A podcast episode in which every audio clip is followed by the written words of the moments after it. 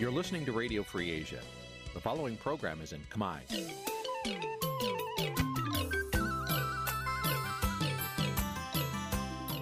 នេះជាកម្មវិធីផ្សាយ Vuthu Azizi Serai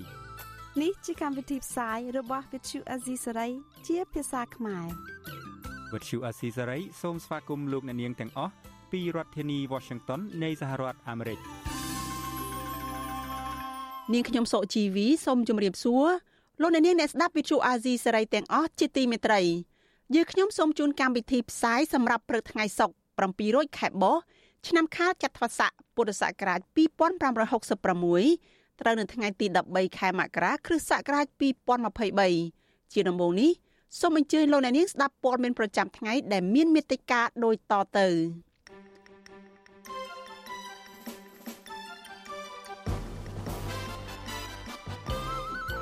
អ្នកវិភាគថាលោកគង់គំសុកចិត្តបាត់បង់ផ្ទះដីធ្លីជាថ្នូរនឹងការមិនជាប់ពន្ធនាគារសមាជិកសភាអាស៊ានដើម្បីសិទ្ធិមនុស្សថ្កោលទោសការគម្រាមកំហែងរបស់លោកហ៊ុនសែនទៅលើមន្ត្រីបកប្រឆាំងក្រមសង្គមស៊ីវិលទទូចដល់រដ្ឋាភិបាលពន្លឿនការអនុវត្តច្បាប់សិទ្ធិទទួលបានព័ត៌មាន សមាគមគ្រូបង្រៀនកម្ពុជាឯករាជ្យស្នើសុំក្រសួងអប់រំបញ្ចូលមេរៀនប្រវត្តិសាស្ត្រទឹកដីកម្ពុជាឲ្យបានស៊ីជម្រៅក្នុងកម្មវិធីអប់រំរួមនឹងព័ត៌មានសំខាន់ៗមួយចំនួនទៀត។ជាបន្តទៅទៀតនេះនាងខ្ញុំសុជីវីសូមជូនព័ត៌មានទីនេះពិស្ដាចលនានាងជាទីមេត្រីអ្នកវិភាគលើកឡើងថាលោកគង់គំឧត្តមទីប្រឹក្សាគណៈបកភ្លើងទៀន ហាក់គ្មានជំរើសអ្វីផ្សេងក្រៅតែពីត្រូវប្រគល់ដីធ្លីនិងផ្ទះសម្បែងជូនរដ្ឋវិញទៅតាមការគម្រាមកំហែងរបស់លោកនាយរដ្ឋមន្ត្រីហ៊ុនសែនអ្នកវិភាគលើកឡើងបែបនេះនៅក្រៅពេលដែលលោកគង់គំបានប្រកាសថាលោកបានប្រគល់ដីនិងផ្ទះដែលមានតម្លៃរាប់លានដុល្លារនោះជូនទៅក្រសួងការបរទេសវិញហើយបើទោះបីជាលោក មានប្លង់រឹងកាន់កាប់ដីនោះក៏ដោយលោកទីនសការីយ៉ារាយការណ៍ព័ត៌មាននេះ នាយវិភាគនយោបាយលើកឡើងថាលោកកុងគំសុកចិត្តបាត់បង់ផ្ទះសម្បែងដីធ្លីជាថ្នូវនឹងសេរីភាពនិងសន្តិសុខលោកកុំសុកឲ្យដឹងកាលពីយប់ថ្ងៃទី12មករាថាលោកកុងគំសុកចិត្តប្រកាសប្រកល់ផ្ទះឲ្យក្រសួងការបរទេសនឹងរដ្ឋវិញដោយសារតែលោកហ៊ុនសែនប្រើប្រាស់តុលាការ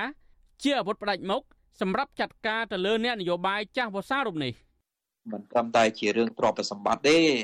បើលោកគង់គំនៅតែមានះគឺអាចឈានទៅដល់គុកច្រវាក់ ហើយគាត់ចាស់ហើយគេអាចធ្វើបាបគាត់ដល់ករណីអសន្តិសុខអាយុជីវិតគាត់ដោយប្រការណាមួយ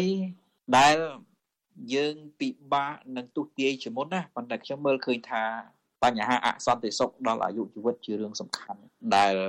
នាំឲ្យលោកគង់គំសម្រេចចិត្តសុកចិត្តបាត់បង់ទ្រព្យសម្បត្តិរបស់គាត់ណាលោកគង់គំនិងភរិយាបានផ្តិតមេដាយលើលិខិតប្រគល់ដីនឹងផ្ទះនេះ ផ្ញើទៅអង្គភាពប្រឆាំងអំពើពុករលួយកាលពីថ្ងៃទី12មករាលិខិតនេះធ្វើឡើងតែប្រមាណម៉ោងប៉ុណ្ណោះបន្ទាប់ពីលោកហ៊ុនសែនបានបញ្ជាទៅអង្គភាពប្រឆាំងអំពើពុករលួយឲ្យស្រាវជ្រាវជាបន្ទាន់អំពីករណីផ្ទះនិងដីធ្លីរបស់លោកកុងគំនេះលោកហ៊ុនសែនបានចោទថាលោកកុងគំបានលួចបន្លំធ្វើបានកម្មសិទ្ធិដីធ្លីផ្ទះសម្បែងទៅវិញលិខិតរបស់លោកកុងគំសរសេរថាលោកមិនបានដឹងអស់អំពីបែបបទនៃការសុំកាន់កាប់ផ្ទះនិងដីធ្លីនៅសង្កាត់ទន្លេបាសាក់ ខណ្ឌចំការមនលោកបញ្ជាក់ថាដើម្បីកុំឲ្យអង្គភាពប្រឆាំងអំពើពុករលួយខាតពេលវេលាស្រាវជ្រាវហើយដើម្បីបញ្ចប់ករណីនេះលោកនិងភរិយាសូមប្រកល់ផ្ទះនិងដីលេខ71ជូនរដ្ឋវិញលោកកុងគំអគុណអង្គភាពប្រឆាំងអំពើពុករលួយនិងលោកហ៊ុនសែនដែលបានអនុគ្រោះជូនលោកលោកនាយរដ្ឋមន្ត្រីហ៊ុនសែនបានបញ្ជាក់ថាលោកកុងគំប្រកុលដីជូនរដ្ឋវិញនេះនៅបន្ទាប់ពីលោកកុងគំបានជួបមន្ត្រីអង្គភាពប្រឆាំងអំពើពុករលួយកាលពីថ្ងៃទី12មករា ប្រមាណជា3ម៉ោងកន្លះក្រោយពីលោកកុងគំបានប្រកាសប្រកុលដីជូនរដ្ឋវិញនេះលោកហ៊ុនសែនបានសរសេរនៅលើ Facebook របស់លោកភ្លាមៗថាលោកនឹងឈប់ប្តឹងលោកកុងគំទៀតនៅមុនពេលលោកកុងគំសម្រេចចិត្តធ្វើលិខិតប្រកុលដីនឹងផ្ទះជូនក្រសួងការបរទេសឬរដ្ឋវិញនេះលោកនិងកូនប្រុសរបស់លោកគឺលោកកុងមូនីកាបានសរសេរលិខិតពីរដាច់ដោយឡែកពីគ្នាស្នើសុំជួបលោកហ៊ុនសែនដែរលិខិតរបស់លោកកុងគំនោះគឺចង់និយាយជាមួយលោកហ៊ុនសែនអំពីដីផ្ទះរបស់លោក និងរឿងគណៈបកប្រជាជនកម្ពុជាខេត្តត្បូងឃ្មុំប្តឹងលោកពីបទញុះញង់បង្កឲ្យមានភាពវឹកវរចលាចលអសន្តិសុខសង្គមនិងទាមទារជំងឺចិត្តពីលោកចំនួន50ម៉ឺនដុល្លារថែមទៀតនៅទន្ទឹមនឹងនេះលោកកុងគំក៏ប្រឈមនឹងពាក្យបណ្ដឹងពីក្រសួងការបរទេសមួយទៀតដែលទាមទារឲ្យលោកកុងគំឲ្យប្រកល់ផ្ទះនិងដីជូនក្រសួងវិញដោយថែមទាំងទាមទារជំងឺចិត្តចំនួន1លានដុល្លារថែមទៀតផងនៅមុនពេលលោកកុងគំប្រកាសប្រកល់ដីនិងផ្ទះជូនរដ្ឋវិញនេះបញ្ហានេះ លោកកុងគំប្រឈមនឹងការបង់ជំងឺចិត្ត1លាន5សែនដុល្លារដែលបង់ទៅក្រសួងការបរទេសផងនិងគណៈបកកណ្ដាលអំណាចនៅខេត្តត្បូងឃ្មុំផងវិទ្យុអាស៊ីសេរីមិនអាចតតងលោកកុងគំដើម្បីសំសួរអំពីបញ្ហានេះបន្ថែមបានទេកាលពីយប់ថ្ងៃទី12មករាទោះជាយ៉ាងណាលោកកុងគំបានប្រាប់វិទ្យុអាស៊ីសេរីកាលពីថ្ងៃទី11មករាថាដីនឹងផ្ទះនេះលោកបានទៅស្នាក់នៅតាំងពីឆ្នាំ1982 ហើយក្រសួងការបរទេសបានចេញបង្កាន់ដៃឲ្យលោកកាន់កាប់ត្រឹមត្រូវរហូតមកដល់ឆ្នាំ2015ខាងសូរិយោដីបានធ្វើប្លង់កម្មសិទ្ធិកាន់កាប់ដីធ្លីនេះជូនលោកថែមទៀតផងលោកមិនបានលួចបន្លំធ្វើលិខិតកាន់កាប់ដីនឹងផ្ទះនេះទេទោះជាយ៉ាងណាច្បាប់ភូមិបាលបានចែងថាអ្នកណាហើយរស់នៅលើដីរបស់រដ្ឋចាប់ពី5ឆ្នាំឡើងទៅដោយគ្មានការចំទាស់ពីភាគីណាមួយនោះគឺដីធ្លីឬអចលនទ្រព្យបានคล้ายជាទ្រព្យសម្បត្តិស្របច្បាប់របស់បុគ្គលនោះ ទោះបីជាយ៉ាងនេះក្តីលោកកុងគំបានលើកឡើងកាលពីថ្ងៃទី11មករាថាលោកសុកចិត្តលះបង់ទ្រព្យសម្បត្តិដីធ្លី គឺដើម្បីប្រជាធិបតេយ្យតើតើនៅបញ្ហានេះដើមចំដែលធ្វើឲ្យលោកកុងគំបាត់បង់ដីធ្លីផ្ទះសម្បែងទោះជាលោកមានប្លង់កម្មសិទ្ធិកាន់កាប់រឹងមាំទៅហើយក្តីគឺមកពីលោកហ៊ុនសែនខឹងសម្បានៅលោកកុងគំអំពីរឿងលោកកុងគំនិយាយរិះគន់គណៈបកប្រជាជនកម្ពុជានេះឱកាសលោកបានជួបអ្នកគាំទ្រគណៈបកភ្លើងទៀន លោកកង្កមថាគណៈបកប្រជាជនកម្ពុជា មានដើមកំណើតមកពីឆ្ងាយឬមកពីខាងកើតគឺសំដៅដល់ប្រទេសវៀតណាមក្រោយពីលើដូច្នេះលោកហ៊ុនសែនបានប្រតិកម្មភ្លាមភ្លាមហើយលោកបានសាររើរឿងផ្ទះសម្បែងរបស់លោកកុងគំលោកបានប្រមានឲ្យលោកកុងគំត្រូវប្រគល់ដីផ្ទះនេះជូនរដ្ឋវិញ ក្នុងរយៈពេល1ខែជាកំហិតចាប់ពីថ្ងៃទី11មករាតទៅឥឡូវណែឯងចូលត្រឡប់ទៅវិញណែឯងមកវាយប្រហារគណៈបព្វជិជន ខ្ញុំសូមដាស់តឿនដាស់តឿនដាស់តឿនជាការប្រមានបន្ថែមតែសាក់មើលសាក់មើលហ៊ុនសែនហ៊ានវាយខ្នោះចំពោះជួនក្បត់ដែលមានផោះតាំងគ្រប់គ្រាន់នៅម៉ោង12យប់ហ៊ុនសែនគឺមិនខ្លាចអ្វីទាំងអស់តើតើនឹងរឿងថែរក្សាសន្តិភាពខ្ញុំសូមប្រមានអ្នកឯងកុំឲ្យសោះកុំអ្នកឯងវាយប្រហារអីវាយទៅ អ្នកឯងអួតអ្នកឯងវាយទៅអ្នកឯងវាយគណៈបព្វជិជនអ្នកឯងដឹងថាគេឈឺទេឆ្លើយតបនឹងបញ្ហានេះនិវិភាននយោបាយលោកកំសុកបញ្ជាក់ថារឿងលោកហ៊ុនសែនទៀមទាផ្ទះលោកកងគំនេះមិនមែនជារឿងដើម្បីផលប្រយោជន៍ជាតិអ្វីនោះទេសំខាន់គឺមកពីលោកកងគំនិយាយប៉ះពាល់ដល់គណៈបកកណ្ដាលអំណាចដែលលោកហ៊ុនសែនចង់បិទបាំងអំពីប្រវត្តិពិតរបស់លោកផង និងបាត់បង់ប្រវត្តិពិតរបស់គណៈបកប្រជាជនកម្ពុជាផង លោកកំសុកបន្ថែមថាប្រសិនបើលោកហ៊ុនសែនចង់រឹបអូសផ្ទះសម្បែងដីធ្លីរបស់លោកកុងគំដាក់ជាទ្រព្យសម្បត្តិរបស់រដ្ឋវិញនោះគឺលោកហ៊ុនសែនខ្លួនឯងនិងមន្ត្រីនៅជួរគណៈបកកាន់អំណាចជាច្រើនទៀតក៏ត្រូវប្រកល់ផ្ទះដែលពួកគេកំពុងតែរស់នៅសពថ្ងៃនេះជូនរដ្ឋវិញដែរបើសើរើតាមផ្លូវច្បាប់ទៅវិញណាវាមិនមែនប៉ះតែលោកគង់គំទេប្រសិនបើគេអាចយក ដីនឹងផ្ទះរបស់លោកគង់គំបានដោយរបៀបហ្នឹងដីនឹងផ្ទះលោកហ៊ុនសែននៅវាមានឯករាជ្យហើយនឹងមន្ត្រីធំធំរបស់គណៈបកប្រជាជនកម្ពុជានៅជុំវិញវាមានឯករាជ្យនៅកណ្ដាលក្រុងភ្នំពេញជាច្រើនទៀតក៏អាចត្រូវរឹបអូសដាក់ទៅជាទ្រព្យសម្បត្តិរបស់រដ្ឋដូចតែគ្នាដែរពីព្រោះក្រោយពី7មករា1979មកផ្ទះនឹងដីអស់នោះសុទ្ធតែជារបស់រដ្ឋហ្នឹងមិនចឹង ដូច្នេះការចាត់វិធានការលើដីនឹងផ្ទះរបស់លោកគង់គំមិនមែនជារឿងផ្លូវច្បាប់ទេ វាជារឿងនយោបាយលោកគង់គំអតីតជាមន្ត្រីជាន់ខ្ពស់គណៈបកប្រជាជនកម្ពុជា និងជាអតីតអនុរដ្ឋមន្ត្រីក្រសួងការបរទេសរបស់លោកហ៊ុនសែនក្រោយមកលោកបានចាកចេញពីគណៈបកប្រជាជនកម្ពុជាលោកកង្កមអះអាងថាមូលហេតុដែលលោកចាកចេញពីគណៈបកប្រជាជនកម្ពុជានោះដោយសារតែលោកស្រឡាញ់ប្រជាធិបតេយ្យ លោកបានមករួមរស់ធ្វើនយោបាយជាមួយគណៈបកប្រឆាំងជាមួយលោកសំរងស៊ីលោកធ្លាប់ជាអនុប្រធានគណៈបកសំរងស៊ីដែលបច្ចុប្បន្នបដូរឈ្មោះមកជាគណៈបកភ្លើងទៀនខ្ញុំធីនសាការីយ៉ាអស៊ីសេរីប្រធានីវ៉ាស៊ីនតោនចលនានាងកញ្ញាប្រិយមិត្តជាទីមេត្រីចាងាកមកមតិប្រជាពលរដ្ឋចាតតទៅនឹងការប្រើប្រាស់ប្រព័ន្ធតុលាការរបស់បកកណ្ដាលអំណាចដើម្បីវាយប្រហារមន្ត្រីជាន់ខ្ពស់គណៈបកប្រឆាំងនេះវិញម្ដង។ ពលរដ្ឋមួយចំនួនសម្ដែងមតិផ្សេងផ្សេងគ្នាជុំវិញការប្រើប្រាស់សារនយោបាយគម្រាមកំហែងរបស់លោកហ៊ុនសែនវាយប្រហារមកលើមន្ត្រីជាន់ខ្ពស់គណៈបកប្រឆាំងជាបន្តបន្ទាប់ពួកគាត់មើលឃើញថាទង្វើរបស់លោកហ៊ុនសែននេះគ្រាន់តែជាយុទ្ធសាស្ត្រដើម្បីមានព្រៀបលើគូប្រជែងមុនការបោះឆ្នោតចាស់លោកសេកបណ្ឌិតរាយការណ៍ព័ត៌មាននេះ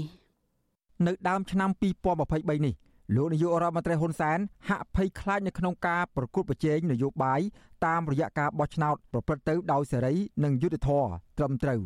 ហើយលោកក៏បានប្រើប្រាស់ប្រព័ន្ធតុលាការជាឧបករណ៍ដើម្បីប្តឹងគាំទ្រដល់ហូតទ្រព្យសម្បត្តិអ្នកទាំងឡាយណា ដែលហ៊ានរិះគន់គណៈបកកណ្ដាលអំណាចថាជាចោរលួចសន្លឹកឆ្នោតទង្វើរបស់លោកនាយករដ្ឋមន្ត្រីហ៊ុនសែននេះត្រូវបានប្រជាពលរដ្ឋបញ្ចេញមតិប្រតិកម្មជាបន្តបន្ទាប់ថា លោកហ៊ុនសែនកំពុងប្រើអំណាចមិនត្រឹមត្រូវប្រៀបដូចជាចោរប្លន់ទ្រព្យសម្បត្តិរបស់អ្នកដទៃប្រជាពលរដ្ឋម្នាក់នៅខេត្តកំពង់ស្ពឺលោកព្រំរតនៈប្រាប់បទសុអសីសេរីនៅថ្ងៃទី12ខែមករាថាការប្រើប្រាស់សារគម្រាមកំហែងរបស់គណៈបកកណ្ដាលអំណាចនេះជាសារនយោបាយដើម្បីយកឈ្នះលើគូប្រកួតប្រជែងនយោបាយដែលមានភាពទន់ខ្សោយជាងខ្លួន រដ្ឋាភិបាលដែលជាអ្នកមានអំណាចយកអំណាចរបស់ខ្លួនទៅគៀបសង្កត់ទៅលើអ្នកអំណាចទន់ខ្សោយដូចជាគណៈបពប្រឆាំងមិនទាន់មានសម្លេងនៅក្នុងវាធ្វើឲ្យភាពអយុត្តិធម៌កាន់តែកើនឡើងអញ្ចឹងវាហានិភ័យទៅថ្ងៃអនាគតពលប្រជាធិបតេយ្យនៅក្នុងប្រទេសកម្ពុជាកាន់តែធ្លាក់ស្រដៀងគ្នានេះដែរប្រជាពលរដ្ឋម្នាក់ទៀតនៅខេត្តបាត់ដំបងកញ្ញាសួរច័ន្ទសុជាតិមើលឃើញថា ប្រព័ន្ធតុលាការនៅកម្ពុជាបច្ចុប្បន្នក្រោមការដឹកនាំដោយបកកណ្ដាលអំណាច បានបង្ហាញឲ្យឃើញថាហាក់មិនគោរពតាមស្មារតីរដ្ឋធម្មនុញ្ញឲ្យបានត្រឹមត្រូវដែលធ្វើឲ្យបកកណ្ដាលអំណាចប្រើប្រាស់ប្រព័ន្ធយុតិធធយកឈ្នះលើគណៈបកប្រឆាំងតាមតែអំពើចិត្ត យើងឆ្លុះបញ្ចាំងមើលភាពជាក់ស្ដែងថាតើតឡាការឥឡូវនេះនៅពេលដែលគណៈរដ្ឋាភិបាលបោះសម្លេងណាមួយគឺបែរតែងតែមានការធ្វើតាមលក្ខខណ្ឌមួយហ្នឹងមានន័យថាអត់មានការគ្រប់ទៅតាមគោលចំហភាពឯករាជ្យដែលមានកំណត់នៅក្នុងរដ្ឋធម្មនុញ្ញគឺតឡាការអត់មានការដើរតាមទៅលើចំណុចមួយហ្នឹងទេខ្ញុំសូមបញ្ជាក់ឲ្យឃើញថានៅតាមចំណុចនេះគឺគណៈបកកណ្ដាលអំណាចគឺមានភាពមានយ៉ាងមួយមានភាពលើសលប់ទៅលើគណៈបកផ្សេងផ្សេងតែម្ដងដោយសារគ្រប់ស្ថាប័នទាំងអស់នៅកម្ពុជាគឺគណៈបកកណ្ដាលអំណាចគឺគាត់មានសិទ្ធិក្នុងការដែលគាត់និយាយគឺថ្នាក់ក្រោមនិងអន្តរាគមតែម្ដង ចំណែកឯប្រជាពលរដ្ឋម្នាក់ទៀតរស់នៅខេត្តសៀមរាបលោករ៉េតរុនលើកឡើងថាការដែលបកកាន់អំណាចនៅតែបន្តប្រើប្រាស់សារគម្រិតកំហែងនិងប្រើប្រាស់ប្រព័ន្ធតុលាការដើម្បីប្តឹងដកហូតទ្រព្យសម្បត្តិមន្ត្រីជាន់ខ្ពស់គណៈបកប្រឆាំងយហោហើយកន្លងមកនេះដោយសារតែគណៈបកកាន់អំណាចចង់បង្ហាញថាតុលាការជាខ្សែញាក់របស់លោកហ៊ុនសែនតែទោះយ៉ាងណាក្តីលោកថាអ្នកនយោបាយគួរគិតលើផលប្រយោជន៍ជារួមជាជាងការគម្រាមកំហែងគ្នា ដែលធ្វើឲ្យបែកបាក់ផ្ទៃក្នុងរបស់ជាតិ អ្វីដែលខ្ញុំចង់ឲ្យអ្នកនយោបាយគាត់ធ្វើគឺទី1បង្ហាញពីគោលនយោបាយខ្លួនឯងឲ្យបានទូលំទូលាយដល់ប្រជាពលរដ្ឋដែលពួកគាត់អាចគិតអាចចារណាក្នុងការបោះឆ្នោតឲ្យបានហើយទី2គឺបង្ហាញនៅភាពចាស់ទុំបែបនយោបាយមានន័យថាធ្វើខ្លួនឲ្យអ្នកធ្វើខ្លួនឲ្យស័ក្តិសមទៅជាអ្នកជាតបតៃប្រជែងបែបគេថាបែបសុចរិតណាបែបផ្លូវត្រង់มันมันមានអំណាចតឡាការឬក៏มันមានអំណាចណាមួយដែលអាចធ្វើឲ្យដៃគូប្រកួតប្រជែងគាត់អត់មានលទ្ធភាពក្នុងការចូលទៅប្រកួតប្រជែងក្នុងឆាកនយោបាយនឹងបាន ស្រដៀងគ្នានេះដែរពលរដ្ឋរស់នៅក្នុងរាជធានីភ្នំពេញគឺលោកម៉ៅច័ន្ទរាមើលឃើញថា ការវាយប្រហារគ្នារបស់គណៈបកកណ្ដាលអំណាចមិនមានផលចំណេញណាមួយសម្រាប់ប្រទេសជាតិនោះទេហើយករណីប្តឹងផ្ដាល់គ្នានេះទៀតសោតក៏ជាសញ្ញាធ្វើឲ្យលំហសិទ្ធិសេរីភាពផ្នែកនយោបាយធ្លាក់ចុះ រឿងទាំងអស់ហ្នឹងបើខ្ញុំគិតថាយើងមិនគួរយកប្រព័ន្ធតឡាការជាបទការដោះស្រាយទេព្រោះរឿងទាំងអស់នេះជារឿងនយោបាយយើងអាចឲ្យដោះស្រាយគ្នាឲ្យឲ្យតាមរបៀបនេះនយោបាយបាទហើយតែមានការគួរប្រជែងឲ្យស្មើភាពគ្នាផ្សេងៗហ្នឹងបាទមួយរយៈពេលចុងក្រោយនេះលោកហ៊ុនសែនបានប្រើប្រាស់ប្រព័ន្ធតុលាការជាអាវុធរឹបអូសទ្រព្យសម្បត្តិរបស់ក្រមមេដឹកនាំគណៈបកប្រឆាំងដូចជាលោកសំរាំងស៊ីនិងលោកសុនឆៃជាដើមករណីចុងក្រោយនេះ គឺលោកបញ្ជាឲ្យតុលាការនិងអង្គភាពប្រឆាំងអំពើពុករលួយពន្លឿនការស៊ើបអង្កេតដើម្បីច្បាមយកដីនឹងផ្ទះរបស់លោកគង់គំដោយចោទថាជាកម្មសិទ្ធិរបស់ក្រសួងការបរទេសពីមុនមកទោះជាបែបនេះក្តីអ្នកខ្លោមមើលបញ្ហានយោបាយយល់ឃើញថាការដកហូតទ្រព្យសម្បត្តិទាំងនេះគ្រាន់តែជាការគម្រាមកំហែងផ្នែកនយោបាយខណៈដែលកន្លងទៅគេសង្កេតឃើញថាគណៈបកកណ្ដាលអំណាចភៀកច្រើន ក៏ជាប់ពាក់ព័ន្ធនឹងការលួចយកដីរបស់រដ្ឋមកធ្វើជាកម្មសិទ្ធិរបស់ខ្លួនជាហោហែកន្លងមកដែរខ្ញុំបាទសេកបណ្ឌិតវិទ្យុអាស៊ីសេរីពីរដ្ឋធានី Washington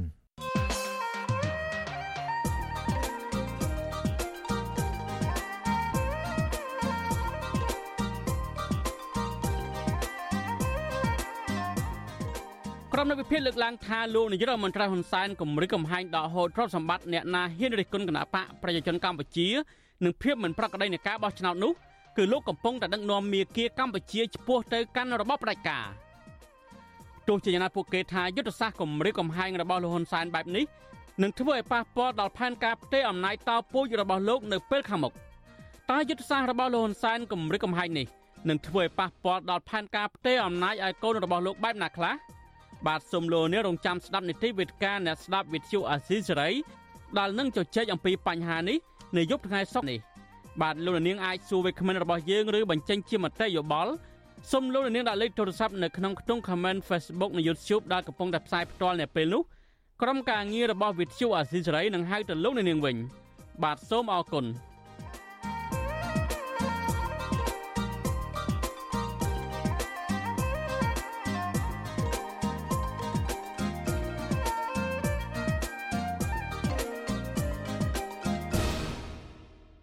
លោកអ្នកនាងកញ្ញាប្រិយមិត្តជាទីមេត្រីលោកអ្នកកំពុងតែស្ដាប់ការផ្សាយរបស់ Vithu Azizi សេរីផ្សាយចេញពីរដ្ឋធានី Washington សហរដ្ឋអាមេរិក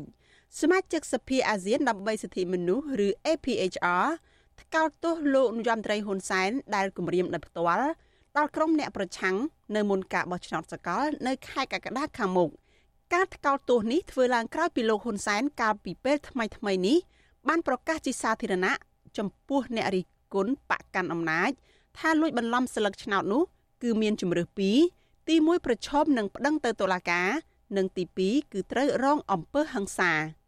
សមាជិករដ្ឋសភាឥណ្ឌូនេស៊ីនិងជាសមាជិកក្រុមប្រឹក្សាពិបាលនៃសមាជិកសភាអាស៊ានដើម្បីសិទ្ធិមនុស្សអ្នកស្រី Mercy Baren បានបញ្ជាក់នៅក្នុងសេចក្តីប្រកាសព័ត៌មានកាលពីថ្ងៃទី12ខែមករាម្សិលមិញថាការគម្រាមកំហែងប្រើអំពើហិង្សាពីមេដឹកនាំកម្ពុជាដែលគ្រប់គ្រងអំណាចជិត40ឆ្នាំ នឹងបានប្រែក្លាយប្រទេសជារបបផ្ដាច់ការគឺជារឿងគួរឲ្យព្រួយបារម្ភពន់ពេកចំពោះក្រុមអ្នកប្រជាធិបតេយ្យអ្នកស្រីបន្តថាលោកហ៊ុនសែននិងរបបដឹកនាំរបស់លោក មានប្រវត្តិជាយូរមកហើយក្នុងការបំផិតបំភ័យគម្រាមកំហែងនិងធ្វើទុកបុកម្នេញដល់មន្ត្រីឬអ្នកគាំទ្រគណៈបកប្រឆាំងជាពិសេសបច្ចុប្បន្នគឺគណៈបកភ្លើងទៀនដែលមានអ្នកគាំទ្រប្រមាណជាង22%កាលពីការបោះឆ្នោតក្រុមប្រឹក្សាឃុំសង្កាត់ កាលពីខែមិថុនាឆ្នាំ2022កន្លងទៅនេះអ្នកស្រីថាលោកហ៊ុនសែនគួរតែត្រូវបានថ្កោលទោសចំពោះទង្វើរបស់ខ្លួនដែលបំផ្លាញលទ្ធិប្រជាធិបតេយ្យនៅកម្ពុជាសេចក្តីប្រកាសព័ត៌មានរបស់ APHR ដដែលឲ្យដឹងថាលោកហ៊ុនសែនបានប្រើប្រាស់តុលាការដើម្បីរំលាយគណៈបកសង្គ្រោះជាតិកាលពីខែវិច្ឆិកាឆ្នាំ2017និងផ្ដន្ទាទោសមេដឹកនាំគណៈបកនេះរួមមានលោកសំរងស៊ីអ្នកស្រីមូសុខួរឲ្យជាប់ទោសក្នុងពន្ធនាគារជាដើម។ បន្ថែមពីនេះករណីលោកកឹមសុខាក៏កំពុងរងការចោទប្រកាន់ពីបទក្បត់ជាតិហើយសំណុំរឿងនេះបានអូសបន្លាយអស់រយៈពេលជាង5ឆ្នាំមកហើយសមាជិកសភាឥណ្ឌូនេស៊ីអ្នកស្រី Mercy Baren សង្កត់ធ្ងន់ថាការបោះឆ្នោតសកលកាន់តែខិតជិតចូលមកដល់លោកហ៊ុនសែន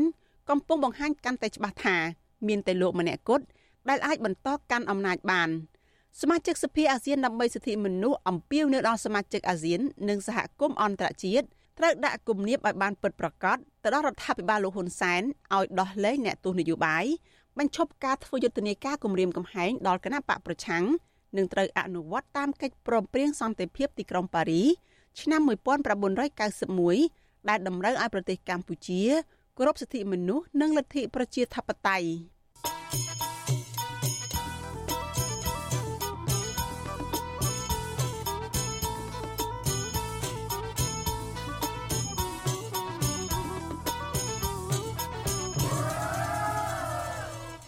លោកអ្នកនាងកញ្ញាជាទីមេត្រីចាប់ព័ត៌មានដាច់ដោយឡែកមួយទៀតមន្ត្រីអង្គការសង្គមស៊ីវិលនិងតំណាងសហគមន៍ដីធ្លីរិះគន់លោកយមត្រីហ៊ុនសែនដែលលុបសជនចាប់ខ្លួនអង្គញាសៀងច័ន្ទហេងនាយិកាក្រុមហ៊ុនហេងអភិវឌ្ឍថាគឺជាការអនុវត្តច្បាប់មានស្តង់ដារ2ពួកគេថាអាញាធរអាចចាប់ឃុំខ្លួនបានតែពលរដ្ឋក្រីក្រ ដែលតវ៉ាការពារដីធ្លីរបស់ខ្លួនតែប៉ុណ្ណោះប្រតិកម្មនេះធ្វើឡើងបន្ទាប់ពីលោកហ៊ុនសែនលុបចោលសជន ចាប់ខ្លួនអ្នកស្រីសៀងច័ន្ទហេងកាលពីថ្ងៃទី11ខែមករាដែលអ្នកស្រីរងការចោទប្រកាន់ពីបទបន្លំឯកសារកាន់កាប់ដីធ្លីរបស់អ្នកដតីចាលោកជីវតារាយការណ៍ព័ត៌មាននេះមន្ត្រីសង្គមស៊ីវិលនិងអ្នកតំណាងសហគមន៍ដីធ្លីលើកឡើងថាការដែលលោកនាយករដ្ឋមន្ត្រីហ៊ុនសែនលុបចោលសជនចាប់ខ្លួនមនុស្សខលខូចបែបនេះនឹងធ្វើឲ្យប្រជាពលរដ្ឋអ្នកមានទំនាស់ដីធ្លីកាន់តែរងភាពអយុត្តិធម៌និងមានការឈឺចាប់កាន់តែខ្លាំង អ្នកសម្របសម្រួលគម្រោងធុរកិច្ចនិងសិទ្ធិមនុស្សនៃមជ្ឈមណ្ឌលសិទ្ធិមនុស្សកម្ពុជា លោកវ៉ាន់សុផាតប្រាប់វិទ្យុអាស៊ីសេរីនៅថ្ងៃទី12មករាថាការដែលលោកនាយករដ្ឋមន្ត្រីហ៊ុនសែនលុបសជនចាប់ខ្លួនអុកញ៉ាសៀងច័ន្ទហេងដែលបានធ្វើឯកសារក្លែងបន្លំដីធ្លីរបស់អ្នកដទៃគឺជាការអនុវត្តច្បាប់ស្តង់ដារ2ដែលខុសពីប្រជាពលរដ្ឋក្រីក្រដោយគ្រាន់តែពួកគាត់តវ៉ាបញ្ហាទំនាស់ដីធ្លី តែត្រូវបានអាជ្ញាធរចាប់ខ្លួនពួកគាត់ដាក់ពន្ធនាគារជាច្រើនករណីដោយពុំមានកិច្ចអន្តរាគមន៍ពីលោកនាយករដ្ឋមន្ត្រីឡើយលោកបញ្ជាក់ថាការធ្វើបែបនេះនឹងធ្វើឲ្យប្រជាពលរដ្ឋអស់ជំនឿលើរដ្ឋាភិបាលហើយធ្វើឲ្យជីវភាពរបស់ពួកគាត់កាន់តែក្រីក្រព្រោះបាត់បង់ដីធ្លីដោយសារតែអ្នកមានលុយនិងអ្នកមានអំណាចរំលោភយក ប្រទេសណាដែលពុំទៅមានការគោរពសិទ្ធិមនុស្សរបស់ជាពលរដ្ឋអីតែងតែរំលោភដីធ្លីរបស់ជាពលរដ្ឋអីចឹងខ្ញុំឃើញប្រទេសហ្នឹងភាគច្រើនគឺថាអត់បានចម្រុងចម្រើនទេបាទសេដ្ឋកិច្ចប្រទេសហ្នឹងដូចឃើញស្រីលង្កាជាហ្នឹងគឺថាមានការដែលធ្លាក់ចុះហើយរហូតដល់មានកាប់ដីកាប់អីអីចឹងទៅឲ្យដែលប្រទេសដែលផ្ដល់កម្ចីអីចឹងណាហើយបើយើងប្រៀបធៀបទៅប្រទេសដែលគេគោរពសិទ្ធិមនុស្សដែលគេលើកស្ទួយជីវភាពសិទ្ធិមនុស្សប្រជាពលរដ្ឋរបស់គេដូចជានៅសិង្ហបុរីអីចឹងទេបើជាពលរដ្ឋមានតិចជាងយើងទេប៉ុន្តែគ្រាន់ថាប្រទេសគេអភិវឌ្ឍទៀនលឿនណាដោយសារតែគេគិតគូរពីរឿងជីវភាពរបស់ប្រជាពលរដ្ឋប្រតិកម្មរបស់មន្ត្រីសង្គមស៊ីវិលនេះធ្វើឡើងបន្ទាប់ពីលោកនាយករដ្ឋមន្ត្រីហ៊ុនសែនកាលពីថ្ងៃទី11មករាបានបង្ហោះសារតាមបណ្ដាញសង្គម Facebook របស់លោកលុបចោលសជណដែលបានបញ្ជាចាប់ខ្លួននាយិកាក្រុមហ៊ុនហេងអភិវឌ្ឍគឺអ្នកស្រីសេងច័ន្ទហេងវិញតាមសំណើរបស់អ្នកស្រី លោកហ៊ុនសែនអះអាងថាលោកនិងលោកសខេងជាអ្នកចេញសជួនណបញ្ជាចាប់ខ្លួនអ្នកស្រីសៀងច័ន្ទហេងកាលពីថ្ងៃទី29ខែធ្នូឆ្នាំ2022ពាក់ព័ន្ធនឹងករណីក្លែងបន្លំឯកសារដើម្បីកាន់កាប់អចលនវត្ថុរបស់ឈ្មោះហ៊ុនប៊ុនធឿនដែលជាប្អូនបង្កើតរបស់លោកនាយករដ្ឋមន្ត្រីនិងឈ្មោះហេវលុននៅភូមិទូលសាឡាឃុំស្អាងភ្នំស្រុកស្អាងខេត្តកណ្ដាលលោកស្រីហ៊ុនប៊ុនធឿនដែលជាប្អូនបង្កើតរបស់លោកនាយករដ្ឋមន្ត្រីហ៊ុនសែន មានតួនាទីជាទីប្រឹក្សាក្រសួងការបរទេសនិងជាទីប្រឹក្សាគណៈសង្ឃនយោបាយគណៈមហានិកាយអ្នកស្រីសៀងច័ន្ទហេងគឺជានាយិកាក្រុមហ៊ុនហេងអភិវឌ្ឍនិងតែងតែដើរជាមួយសាច់ញាតិរបស់លោកនាយករដ្ឋមន្ត្រីហ៊ុនសែនក្រុមហ៊ុនហេងអភិវឌ្ឍមានដីរាប់រយហិកតានៅតាមបណ្ដាខេត្តក្រុងជាច្រើននៅក្នុងប្រទេសកម្ពុជានិងធ្លាប់មានរឿងអាស្រូវជាយូរមកហើយពាក់ព័ន្ធនឹងការប្រើឥទ្ធិពលខុបខិតជាមួយអាជ្ញាធរ ច្បាមយកដីរបស់ពលរដ្ឋក្រីក្រជាច្រើនកន្លែង ជាឧទាហរណ៍កាលពីថ្ងៃទី16ខែវិច្ឆិកាឆ្នាំ2016តុលាការក្រុងភ្នំពេញបានផ្តន្ទាទោសអ្នកស្រីសៀងច័ន្ទហេងឬដែលគេតែងហៅថាជំទាវហេងនោះឲ្យជាប់ពន្ធនាគាររយៈពេល1ឆ្នាំដោយមានទោសពីបទក្លែងបន្លំឯកសារដីជិត200ហិកតានៅខេត្តកំពង់ឆ្នាំងហើយប្រើប្រាស់ឯកសារដីក្លែងបន្លំនោះលក់ទៅឲ្យអ្នកដទៃផ្សេងទៀត ប៉ុន្តែអ្នកស្រីមិនត្រូវបានអាជ្ញាធរចាប់ខ្លួនឡើយវិទ្យុអាស៊ីសេរីពុំអាចសុំការឆ្លើយតបរឿងនេះពីអ្នកស្រីសៀងច័ន្ទហេងបានទេ នៅថ្ងៃទី12មករាដោយអ្នកស្រីលើកទូរស័ព្ទហើយឆ្លើយថាច្រឡំលេខតំណាងសហគមន៍ដីធ្លីនៅខេត្តកោះកុងលោកស្រីផាវញើងថ្លែងថាលោកស្រីមិនពេញចិត្តនឹងវិធានការរបស់លោកនាយករដ្ឋមន្ត្រីហ៊ុនសែនដែលជួយអន្តរាគមន៍ដល់ជនខិលខូចនោះទេ លោកស្រីបន្តថា រឿងរ៉ាវទំនាស់ដីធ្លីរបស់លោកស្រីផ្ទាល់ប្រមាណ20ឆ្នាំមកហើយតែលោកនាយករដ្ឋមន្ត្រីហ៊ុនសែនមិនដែលអើពើជួយអន្តរាគមន៍ដល់សហគមន៍ពួកលោកស្រីឡើយលោកស្រីចាត់ទុកការលុបសជោណដែលបញ្ជាចាប់ខ្លួនអ្នកមានទ្រព្យធនដែលស្និទ្ធនឹងគ្រួសារលោកហ៊ុនសែននេះថាជាការធ្វើបាបផ្លូវចិត្តដល់ពលរដ្ឋក្រីក្រដែលមានទំនាស់ដីធ្លីឲ្យកាន់តែឈឺចាប់ថែមទៀត ព្រោះអីខ្ញុំគឺជាជនរងគ្រោះហើយរងថ្ងៃនេះខ្ញុំនៅក្នុងបញ្ជីខ្មៅក្នុងនៃតុលាការចោទប្រកាន់ពីបទញុះញង់បង្កភាពវឹកវរឲ្យអសន្តិសុខសង្គមខ្ញុំចង់ផ្ដាំផ្ញើសារនេះទៅសម្ដេចវិញថាខ្ញុំគឺជាជនរងគ្រោះដែលបានកាន់កាប់អាស្រ័យផលលើដីឯកជនរបស់រដ្ឋមុនច្បាប់ភូមិបាលអនុម័តប្រកាសថ្ងៃ30ខែសីហាឆ្នាំ2001ហើយត្រូវចោលប្លន់មកយកដីរបស់ខ្ញុំឲ្យខ្ញុំទៅតវ៉ាមិនមែនជាជនបង្កភាពវឹកវរឲ្យអសន្តិសុខសង្គមទេអញ្ចឹងសូមឲ្យសម្ដេចអន្តរាគមមកភូមិប្រៃជីគុំជាខក្រោមផងដើម្បីឲ្យស្រ័យបញ្ហានេះក្នុងខេត្តកោះកុងជាប់បណ្ដឹងដល់30ជាងអ្នកឯនោះអ្នកដែលរងគ្រោះដីធ្លីហេតុអីបានសម្ដេចមិនអន្តរាគមមិនប្រសាឲ្យពួកខ្ញុំបែរទៅជាអន្តរាគមអត់ឲ្យទៅចាក់ជើងចោលទៅវិញប្រធានអ្នកណែនាំពាក្យរដ្ឋាភិបាលលោកផៃស៊ីផានប្រាប់វិទ្យុអាស៊ីសេរីយ៉ាងខ្លីថាលោកពុំបានដឹងពីខ្លឹមសារនៃសជនដែលបញ្ជាចាប់ខ្លួននិងដោះលែងនេះទេទោះជាយ៉ាងណានេះមិនមែនជារឿងថ្មីទេដែលលោកនាយករដ្ឋមន្ត្រីហ៊ុនសែន តែងចេញមុខអន្តរាគមជួយដល់មនុស្សនៅក្បែរលោកឬអ្នកធ្វើការងារបម្រើផលប្រយោជន៍ក្រុមគ្រួសាររបស់លោកនោះថ្មីថ្មីនេះលោកបានចេញមុខធានាឲ្យអាជ្ញាធរដោះលែងអ្នកអត្ថាធិប្បាយព័ត៌មានអន្តរជាតិនៅទូរទស្សន៍បាយ័នរបស់កូនស្រីលោកគឺអ្នកស្រីហ៊ុនម៉ាណា ដែលត្រូវបានតុលាការឃុំខ្លួនពាក់ព័ន្ធនឹងការចោទប្រកាន់រឿងលក់ដីខ្យល់តម្លៃប្រមាណ36លានដុល្លារករណីនេះ លោកនាយករដ្ឋមន្ត្រីហ៊ុនសែនខឹងខ្លាំងរហូតដល់ព្រមានដកតួនាទីមន្ត្រីនគរបាលយុតិធធទៀតផង រហូតមកដល់ពេលនេះករណីខុបខិតគ្នារវាងអ្នកមានអំណាច អ្នកមានទ្រព្យធនជាមួយអាជ្ញាធរមូលដ្ឋាន ធ្វើឯកសារឬបន្លំឯកសារយកដីពលរដ្ឋកំពុងកើតមានជាច្រើនករណីធ្វើឲ្យពលរដ្ឋខ្មែរជាច្រើនគ្រួសារចេញមុខតវ៉ាប៉ុន្តែអាជ្ញាធរនិងតុលាការពុំសូវយកចិត្តទុកដាក់រកយុត្តិធម៌ជូនពួកគេឡើយ បើទោះជាពេលខ្លះពលរដ្ឋទាំងនោះបានលើកគ្នាម្ដងហើយម្ដងទៀតទៅរាជធានីភ្នំពេញដើម្បីសុំកិច្ចអន្តរាគមន៍ពីស្ថាប័នពាក់ព័ន្ធឬពីលោកនាយករដ្ឋមន្ត្រីហ៊ុនសែនក្តីធ្ងន់ធ្ងរជាងនេះមានករណីមួយចំនួនដែលពលរដ្ឋម្ចាស់ដីបែរជាត្រូវបានអាជ្ញាធរចាប់ខ្លួនទៅវិញដោយសារការតវ៉ាការពារដីធ្លីរបស់ពួកគាត់ខ្ញុំជីវិតាអាស៊ីសេរី លោកអ្នកនាងកញ្ញាកំពុងតាមដានការផ្សាយរបស់វិទ្យុអាស៊ីសេរីផ្សាយចេញពីរដ្ឋធានី Washington សហរដ្ឋអាមេរិកក្រុមអង្គការសង្គមស៊ីវិលចំនួន24ស្ថាប័នចេញសេចក្តីថ្លែងការណ៍រួមគ្នា កាលពីថ្ងៃទី12ខែមករាដើម្បីទាមទាររដ្ឋាភិបាល និងសភាជាតិពន្លឿនការអនុវត្តច្បាប់ស្តីពីសិទ្ធិទទួលបានព័ត៌មានក្រុមអង្គការសង្គមស៊ីវិលពិនិត្យឃើញថាដំណើរការនៃការផ្ដល់និងទទួលព័ត៌មានអំពីសេវាសាធារណៈ បានធ្លាក់ចុះគួរឲ្យកត់សម្គាល់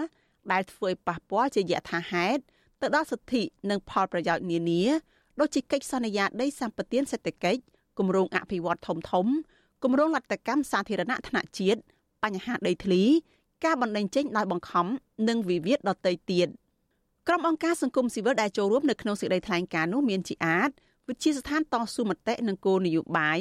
អង្គការដំឡាភិបកម្ពុជា សមាគមសម្ព័ន្ធអ្នកសារព័ត៌មានកម្ពុជា សមាគមអាត6អង្គការ Confrel និងអង្គការសមាគមមួយចំនួនទៀតសេចក្តីថ្លែងការណ៍របស់ក្រុមអង្គការសង្គមស៊ីវិលនេះធ្វើឡើងរយៈពេល2ថ្ងៃនៅមុនពេលដែលលោកយមត្រីហ៊ុនសែនក្រុងជួបជាមួយអ្នកសារព័ត៌មានជាលើកទី5នៅថ្ងៃទី14ខែមករាខាងមុខនេះក្រុមអង្គការសង្គមស៊ីវិលគូបញ្ជាក់ថាពលរដ្ឋនៅតែមានកង្វល់នៅឡើយអំពីការទទួលបានព័ត៌មានសាធារណៈពីព្រោះទាំងរដ្ឋបាលថ្នាក់ជាតិនិងថ្នាក់ក្រោមជាតិ នៅតែមានភាពស្ទាក់ស្ទើរក្នុងការបើកចំហឬផ្សព្វផ្សាយព័ត៌មានមួយចំនួនទោះជាមានបញ្ញត្តិខ្លះបានកំណត់អំពីទួលនីតិនិងការទទួលខុសត្រូវរបស់រដ្ឋបាលសាធារណៈក្នុងការបើកចំហឬផ្សព្វផ្សាយព័ត៌មានក៏ដោយពួកគេយល់ថាការពន្លឿនការអនុវត្តច្បាប់សិទ្ធិទទួលបានព័ត៌មាននឹងជួយលើកកម្ពស់សេវាសាធារណៈនិងការអភិវឌ្ឍប្រកបដោយចីរភាពរដ្ឋាភិបាលលោកហ៊ុនសែនបានចំណាយពេលជាច្រើនឆ្នាំមកហើយ ដើម្បីរៀបចំសេចក្តីព្រាងច្បាប់ ស្តីពីសិទ្ធិទទួលបានព័ត៌មាននេះដែលមានការចូលរួមផ្ដល់យោបល់ពីអង្គការ UNESCO និងអង្គការសង្គមស៊ីវិលមួយចំនួនទៀតបច្ចុប្បន្នសេចក្តីព្រាងច្បាប់នេះបានបញ្ចប់ការត្រួតពិនិត្យលើមាត្រាស្តីពីទោសបញ្ញត្តិរួចហើយនិងត្រូវបានបញ្ជូនទៅទីស្តីការគណៈរដ្ឋមន្ត្រីក្រសួងព័ត៌មានធ្លាប់បកស្រាយថាភាពយឺតយ៉ាវនៃការធ្វើច្បាប់នេះដោយសារតែនីតិវិធីមានភាពស្មុគស្មាញ និងមានវិបត្តិជំងឺ Covid-19 ផងប៉ុន្តែការបកស្រាយនេះត្រូវបានអ្នកសង្កេតការណ៍មួយចំនួនយល់ថាគ្រាន់តែជាលេសប៉ុណ្ណោះពីព្រោះច្បាប់នេះបំរើប្រយោជន៍សាធារណៈជាជាងបំរើផលប្រយោជន៍របស់ក្រុមលោកហ៊ុនសែនកន្លងទៅ ច្បាប់ណាបំរើផលប្រយោជន៍ឲ្យក្រុមរបស់លោកហ៊ុនសែនតែងតែត្រូវបានតាក់តែងនិងអនុម័តនៅក្នុងរយៈពេលខ្លីដូចជាវិសោធនកម្មរដ្ឋធម្មនុញ្ញនិងច្បាប់គ្រប់គ្រងប្រទេសនៅក្នុងភាពអាសន្នជាដើម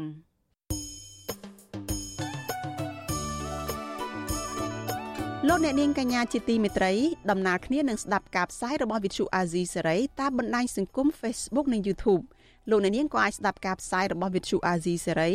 តាមរយៈរលកធាតុអាកាសខ្លីឬ Shortwave តាមកម្រិតនិងកម្ពស់ដូចតទៅនេះពេលព្រឹកចាប់ពីម៉ោង5កន្លះដល់ម៉ោង6កន្លះតាមរយៈ post SW 9.39 MHz ស្មើនឹងកម្ពស់ 32m និងប៉ុស SW 11.85 MHz ស្មើនឹងកម្ពស់ 25m ពេលយប់ចាប់ពីម៉ោង7កន្លះដល់ម៉ោង8កន្លះតាមរយៈប៉ុស SW 9.39 MHz ស្មើនឹងកម្ពស់ 32m ប៉ុស SW 11.88 MHz ស្មើនឹងកម្ពស់ 25m និងប៉ុស SW 15.5 MHz ស្មើនឹងកម្ពស់ 20m លោកអ្នកនាងកញ្ញាប្រិយមិត្តជាទីមេត្រីរបាយការណ៍សិទ្ធិមនុស្សអន្តរជាតិឆ្នាំ2023របស់អង្គការ Human Rights Watch រកឃើញថារដ្ឋាភិបាលកម្ពុជា បានបង្ក្រាបទៅលើសកម្មជនសិទ្ធិមនុស្សកាន់តែខ្លាំងតាមរយៈការបង្កើតបទចោទប្រកាន់คล้ายៗទៅលើឋានៈដឹកនាំសហជីពសកម្មជននយោបាយនិងសកម្មជនសិទ្ធិមនុស្សផ្សេងផ្សេងទៀតមន្ត្រីអង្គការសង្គមស៊ីវិលលើកឡើងថារបាយការណ៍នេះ បានឆ្លុះបញ្ចាំងពីការពិតនៃស្ថានភាពសិទ្ធិមនុស្សនៅកម្ពុជា និងស្នើឲ្យរដ្ឋាភិបាលទទួលយកនិងលើកកម្ពស់ស្តង់ដារគោរពសិទ្ធិមនុស្សដើម្បីទទួលបានអត្ថប្រយោជន៍សេដ្ឋកិច្ចពីបណ្ដាប្រទេសប្រជាធិបតេយ្យអ្នកស្រីម៉ៅសុធានីរាយការណ៍អំពីរឿងនេះ របាយការណ៍សិទ្ធិមនុស្សអន្តរជាតិ Human Rights Watch ឆ្នាំ2023ដែលបានចេញផ្សាយនៅថ្ងៃទី12ខែមករាបង្ហាញថារដ្ឋាភិបាលលោកហ៊ុនសែនបានប្រើវិធានការតឹងរឹងដើម្បីបំបិតសិទ្ធិភាពប្រជាពលរដ្ឋក្នុងការបញ្ចេញមតិនិងសិទ្ធិនយោបាយដែលបានកំណត់គោលដៅលើមនុស្សរាប់សិបនាក់ដែលជាថ្នាក់ដឹកនាំសហជីពសកម្មជននយោបាយដែលមាននិន្នាការផ្ទុយពីរដ្ឋាភិបាល និងសកម្មជនសិទ្ធិមនុស្សផ្សេងផ្សេង របាយការណ៍ក៏បានលើកឡើងថារដ្ឋាភិបាល បានរដ្ឋបិទសិទ្ធិនយោបាយកាន់តែធ្ងន់ធ្ងរដោយបានកាត់ក្តីលើសំណុំរឿងសកម្មជននយោបាយទ្រង់ទ្រាយធំ រហូតដល់ជាង100នាក់ bị បាត់រួមកំណត់ក្បត់ដោយពួកគេគ្រាន់តែប្រើប្រាស់សិទ្ធិក្នុងការបញ្ចេញមតិប៉ុណ្ណោះជាមួយគ្នានេះរបាយការណ៍ក៏បានលើកឡើង ថាសប្តាហ៍នេះមានសកម្មជននយោបាយជាច្រើនអ្នកកំពុងបន្តជាប់ឃុំដោយអយុត្តិធម៌នៅក្នុងពន្ធនាគារ គណៈសកម្មជនគណៈបកភ្លើងទៀននៅតែបន្តរងបាត់ចោតពីប្រព័ន្ធតឡាការរួមទាំងអនុប្រធានគណៈបកនេះគឺលោកសុនឆៃជាដើមរបាយការណ៍លើកឡើងថាអាញាធរកម្ពុជា បានយកលេសប្រើប្រាស់ច្បាប់ស្តីពីវិធានការទប់ស្កាត់ការរីករាលដាលនៃជំងឺ Covid-19 ដើម្បីបញ្ឈប់ការធ្វើកុតកម្មដោយសន្តិវិធីរបស់ក្រមសហជីព Nagavel ក្រុមអាជ្ញាធរក៏បានបង្ខំឲ្យក្រុមគឧតកោចូលក្នុងរថយន្តក្រុង និងបានដឹកពួកគេយកទៅទម្លាក់ចោលនៅតំបន់ជ័យក្រុង កាលពីខែកុម្ភៈឆ្នាំ2022បន្ថែមពីនេះក្រុមអាជ្ញាធរក៏បានឃុំខ្លួនប្រធានសហជីព Nagavel គឺកញ្ញាឈឹមស៊ីធជាថ្មីម្ដងទៀតបន្ទាប់ពីកញ្ញាវិលត្រឡប់ចូលមកប្រទេសកម្ពុជាវិញ ក្រោយពីបានទៅចូលរួមប្រជុំជាមួយក្រុមសហជីពអន្តរជាតិ នៅប្រទេសអូស្ត្រាលីកាលពីខែវិច្ឆិកាឆ្នាំ2022ក្រៅពីនេះរបាយការណ៍ក៏បានលើកឡើងពីការគម្រាមកំហែងលើអ្នកសារព័ត៌មានដោយបានសរសេរពីការប្រើអំពើហិង្សានិងការខាត់ខ្លួនអ្នកកាសែត VOD ចំនួន5នាក់និងសកម្មជនខ្មែរថាវរៈ4នាក់កាលពីខែសីហាឆ្នាំ2022ដោយក្រុមកងអង្គរៈលោកហ៊ុនសែនដោយសារពួកគេគ្រាន់តែចុះទៅពិនិត្យមើលការកាប់បំផ្លាញប្រឈើនៅតំបន់ភ្នំតាម៉ៅ។ នាយករងអង្គការឃ្លាំមើលសិទ្ធិមនុស្សអន្តរជាតិ Human Rights Watch ប្រចាំតំបន់អាស៊ីលោក Phil Robertson មានប្រសាសន៍ថាដើម្បីអាចគ្រប់គ្រងស្ថានភាពនយោបាយបានទាំងស្រុងនៅមុនការបោះឆ្នោតនៅខែកក្កដាឆ្នាំ2023នេះលោកនាយករដ្ឋមន្ត្រីហ៊ុនសែននឹងបន្តធ្វើទុកបុកម្នេញបន្ថែមទៀតទៅលើសកម្មជននយោបាយមេដឹកនាំសហជីពសកម្មជនបរិស្ថាននិងសកម្មជនសិទ្ធិមនុស្សផ្សេងផ្សេងទៀត។ ឆ្លើយតបនឹងការលើកឡើងនេះអ្នកនាំពាក្យគណៈបកកណ្ដាលអំណាចលោកសុកអេសានអះអាងថារបាយការណ៍សិទ្ធិមនុស្សអន្តរជាតិឆ្នាំ2023នេះគឺមិនបានឆ្លុះបញ្ចាំងពីស្ថានភាពសិទ្ធិមនុស្សនៅកម្ពុជានោះឡើយលោកបន្ថែមថាការអនុវត្តវិធានការផ្លូវច្បាប់ទៅលើសកម្មជននយោបាយនិងសកម្មជន សង្គមនានារបស់រដ្ឋាភិបាលនោះគឺគ្រាន់តែជាការអនុវត្តច្បាប់ប៉ុណ្ណោះ ខ្ញុំយល់ថាការវាយតម្លៃរបស់អង្គការសិទ្ធិមនុស្សអង្គការសហជីវជាតិនឹងមិនបានផ្សារភ្ជាប់ទៅនឹងសភាពការពិតជាក់ស្ដែងនៅកម្ពុជាទេហើយខ្លឹមសាររបស់គាត់ដែលបានវាយតម្លៃអំពីបញ្ហាសិទ្ធិមនុស្សនៅកម្ពុជានេះគឺវាមានលក្ខណៈលំអៀងរួចទៅហើយបើប្រៀបធៀបនឹងការពិតដែលកំពុងកើតមានឡើងនៅក្នុងសង្គមកម្ពុជាជុំវិញរឿងនេះប្រធានសមាគមការពារសិទ្ធិមនុស្សអាត6 លោកនីសុខាគាំទ្រការលើកឡើងរបស់របាយការណ៍សិទ្ធិមនុស្សអន្តរជាតិនេះលោកបន្ថែមថាជាជាងបន្តបដិសេធចំពោះការរំលោភសិទ្ធិមនុស្សរដ្ឋាភិបាលកម្ពុជាគួរតែទទួលយកពីការរកឃើញរបស់ស្ថាប័នអន្តរជាតិមួយនេះហើយលើកកម្ពស់ស្តង់ដារគោរពសិទ្ធិមនុស្សនៅកម្ពុជាលោកនីសុខាបន្ថែមថាដើម្បីធានាឲ្យការបោះឆ្នោតនៅខែកក្កដាឆ្នាំ2023នេះ ប្រកបដោយភាពត្រឹមត្រូវនិងយុត្តិធម៌អ្នកនយោបាយគោបើកលំហប្រជាធិបតេយ្យនិងលើកកម្ពស់ការគោរពសិទ្ធិមនុស្សយើងពិតជាមានការព្រួយបារម្ភណាស់ចំពោះបញ្ហាឋានភាពដាក់ទណ្ឌកម្មរបស់អន្តរជាតិមកលើរដ្ឋាភិបាលបន្តទៅទៀតនេះយើងមានការព្រួយបារម្ភហើយយើងចង់ឃើញមានការស្ដារនៅលទ្ធិប្រជាធិបតេយ្យគ្រប់សិទ្ធិមនុស្សសេរីភាពទាំងអស់ហ្នឹងដើម្បីប្រទេសកម្ពុជាយើងផងក៏ដើម្បីទទួលបានការសាទរបានពីអន្តរជាតិ របាយការណ៍សិទ្ធិមនុស្សអន្តរជាតិឆ្នាំ2023ដែលមាន212ទំព័របានរៀបរាប់ពីស្ថានភាពសិទ្ធិមនុស្សនៅក្នុងប្រទេសជិត100នោះក៏បានលើកឡើងថាដោយសារតែបណ្ដាប្រទេសអភិវឌ្ឍផ្ដោតការយកចិត្តទុកដាក់លើសង្គ្រាមឈ្លានពាននៅប្រទេសអ៊ុយក្រែនដូច្នេះដើម្បីធានាឲ្យមានការគ្រប់សិទ្ធិមនុស្សកាន់តែល្អប្រសើរប្រទេសសម័យខ្លួនត្រូវតែមានឆន្ទៈ ក្នុងការលើកកម្ពស់សិទ្ធិមនុស្សដល់ខ្លួនឯងនិងមិនអាចពឹងផ្អែកទៅលើការគ្រប់គ្រងពីបណ្ដាប្រទេសប្រជាធិបតេយ្យបានឡើយចាននាងខ្ញុំម៉ៃសុធានីវិទ្យុអសីស្រីប្រធានាធិបតី Washington ចាលោកអ្នកនាងជាទីមេត្រី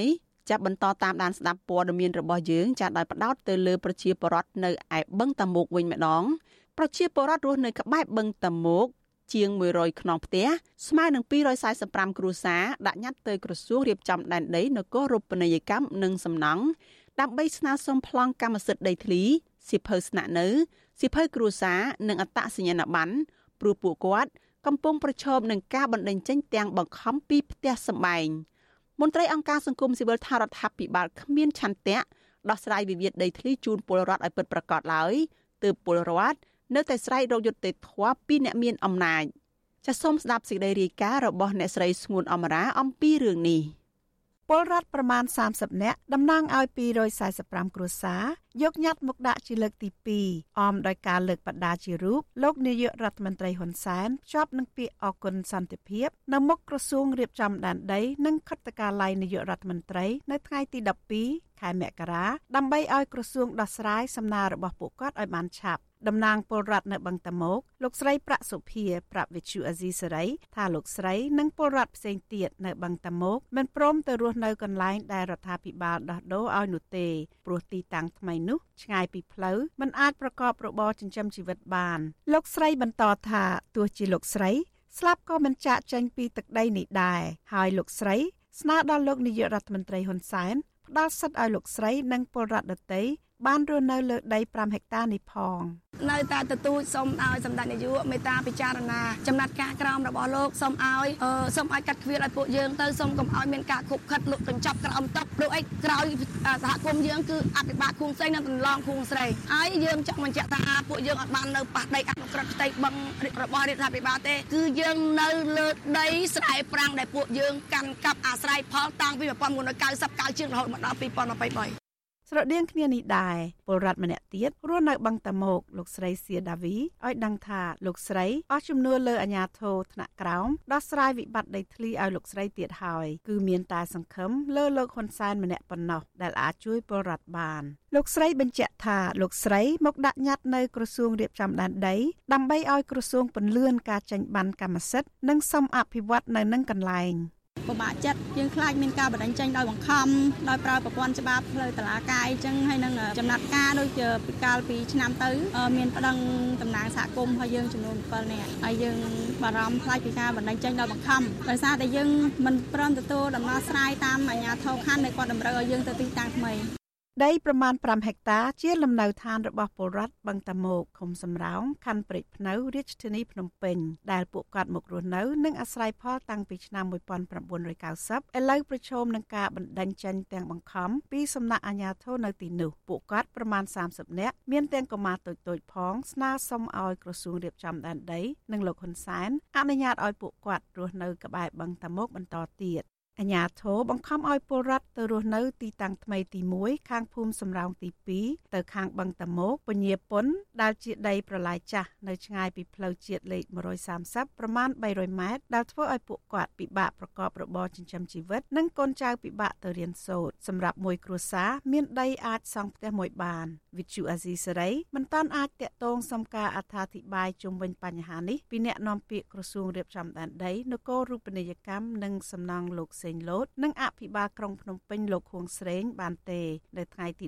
12ខែមករាដោយទូរស័ព្ទហៅចូលតែពុំមានអ្នកទទួលជុំវិញរឿងនេះអ្នកសម្របសម្រួលគម្រោងធុរកិច្ចនិងសិទ្ធិមនុស្សរបស់មជ្ឈមណ្ឌលសិទ្ធិមនុស្សកម្ពុជាលោកវ៉ាន់សុផាតមានប្រសាសន៍ថារដ្ឋាភិបាលមិនមានចិត្តចង់ដោះស្រាយវិវាទដីធ្លីនៅបឹងតាមុកជូនពលរដ្ឋទេព្រោះចំនួននេះអូសបន្លាយជាច្រើនឆ្នាំហើយលោកបន្តថាដីបឹងនេះជាតំបន់គោលដៅអភិវឌ្ឍដែលក្រុមអ្នកមានលុយមានអំណាចកំពុងប្រកួតប្រជែងដើម្បីកាន់កាប់រៀងៗខ្លួន ហើយពលរដ្ឋក្រីក្រមិនងាយទទួលប្រយោជន៍ពីការអភិវឌ្ឍនេះទេ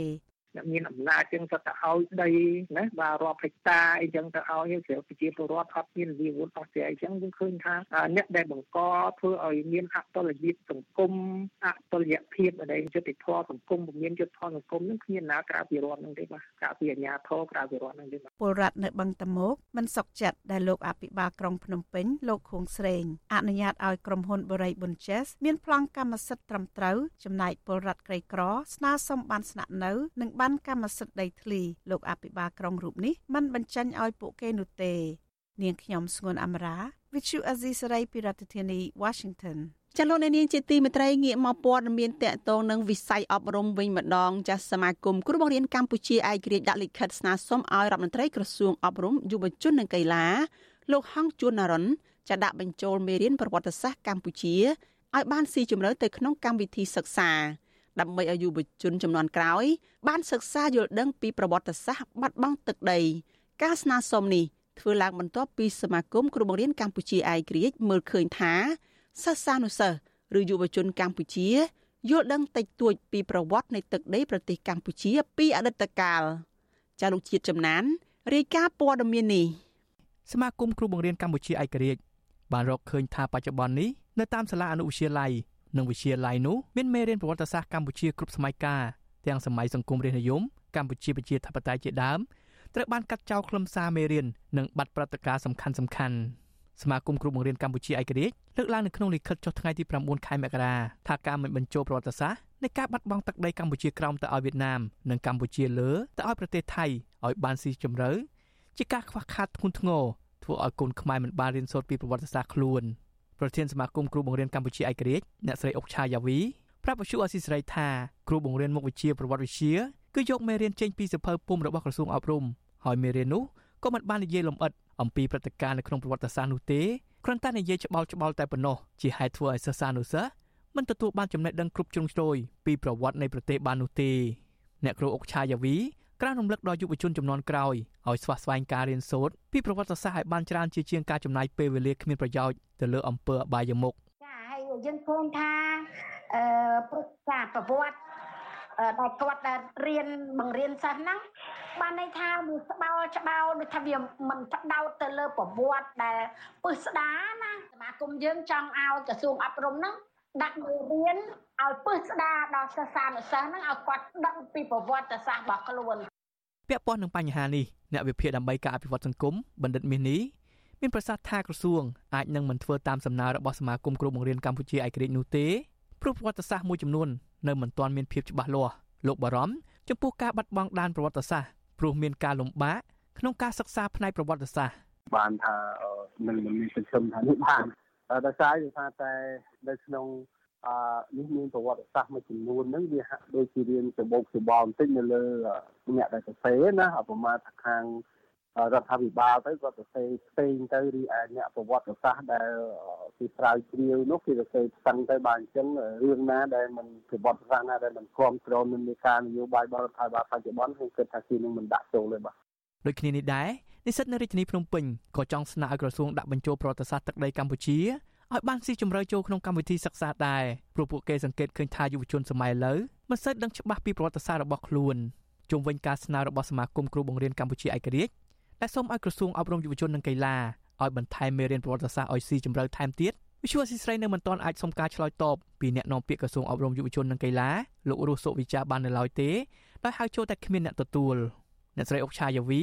ស្នើទៅក្រសួងអប់រំយុវជននិងកីឡាឲ្យពិនិត្យនិងបញ្ចូលបន្ថែមនៅព្រឹត្តិការណ៍សំខាន់សំខាន់នៅក្នុងមេរៀនសម្រាប់យុវជនចំនួនក្រោយឲ្យបានដឹងពីប្រវត្តិសាស្ត្ររបស់ខ្លួនអ្នកស្រីយល់ថាការឲ្យកូនខ្មែររៀនពីប្រវត្តិសាស្ត្រដូចជាការបាត់បង់កម្ពុជាក្រោមនិងកម្ពុជាលើនេះមិនមែនជារឿងនយោបាយនិងការរើសអើងពូជសាសន៍អ្វីនោះទេតែជាប្រវត្តិសាស្ត្រដែលមនុស្សគ្រប់ចំនួនត្រូវតែដឹងនិងចងចាំខ្ញុំបាទចិត្តចំណាន Visual ស៊ីស្រីប្រធានាទី Washington លោកអ្នកនាងកញ្ញាជាទីមេត្រីសេចក្តីរាយការណ៍ពីខេត្តបន្ទាយមានជ័យឯណោះឲ្យដឹងថាអញ្ញាធរខេត្តបន្ទាយមានជ័យរកឃើញសពបរិសុជនជាតិថៃម្នាក់បន្ថែមទៀតក្នុងករណីឆេះកាស៊ីណូ Grand Diamond នៅក្រុងប៉ោយប៉ែតមន្ត្រីសង្គមស៊ីវិលយល់ថាអញ្ញាធរគួរបង្កើតគណៈកម្មការបន្តរករកសពរបស់អ្នកបាត់ខ្លួននោះឡើងវិញនិងពន្លឿនការធ្វើកសលវិច័យសពអ្នកស្លាប់ដែលមិនទាន់ស្គាល់អត្តសញ្ញាណដើម្បីឲ្យសាច់ញាតិនិងក្រុមគ្រួសារ អាចទទួលយកសាកសពទៅធ្វើបុណ្យនិងទទួលបានសំណងចាលោកសនច័ន្ទរដ្ឋារាយការណ៍អំពីរឿងនេះក្រុមជើងជំនាញរੂរើអគារ Casino Grand Diamond City ប្រទះឃើញសាកសពបរិមម្នាក់នៅជាន់ទី10ក្នុងបន្ទប់ទឹករួមដែលសាកសពមានសភាពឆេះខ្លោចហើយត្រូវបានបញ្ជូនទៅធ្វើកសោបវិច័យនៅមន្ទីរពេទ្យបង្អែកក្រុងប៉ោយប៉ែតកាលពីល្ងាចថ្ងៃទី11ខែមករាជុំវិញរឿងនេះអ្នកនាំពាក្យរដ្ឋបាលខេត្តបន្ទាយមានជ័យលោកសេសុខុមបដិសេធមិនធ្វើអត្ថាធិប្បាយ ដោយលោកប្រាប់ថាកំពុងសិក្ខាសាលាជាមួយអ្នកនាំពាក្យរដ្ឋាភិបាលនៅភ្នំពេញ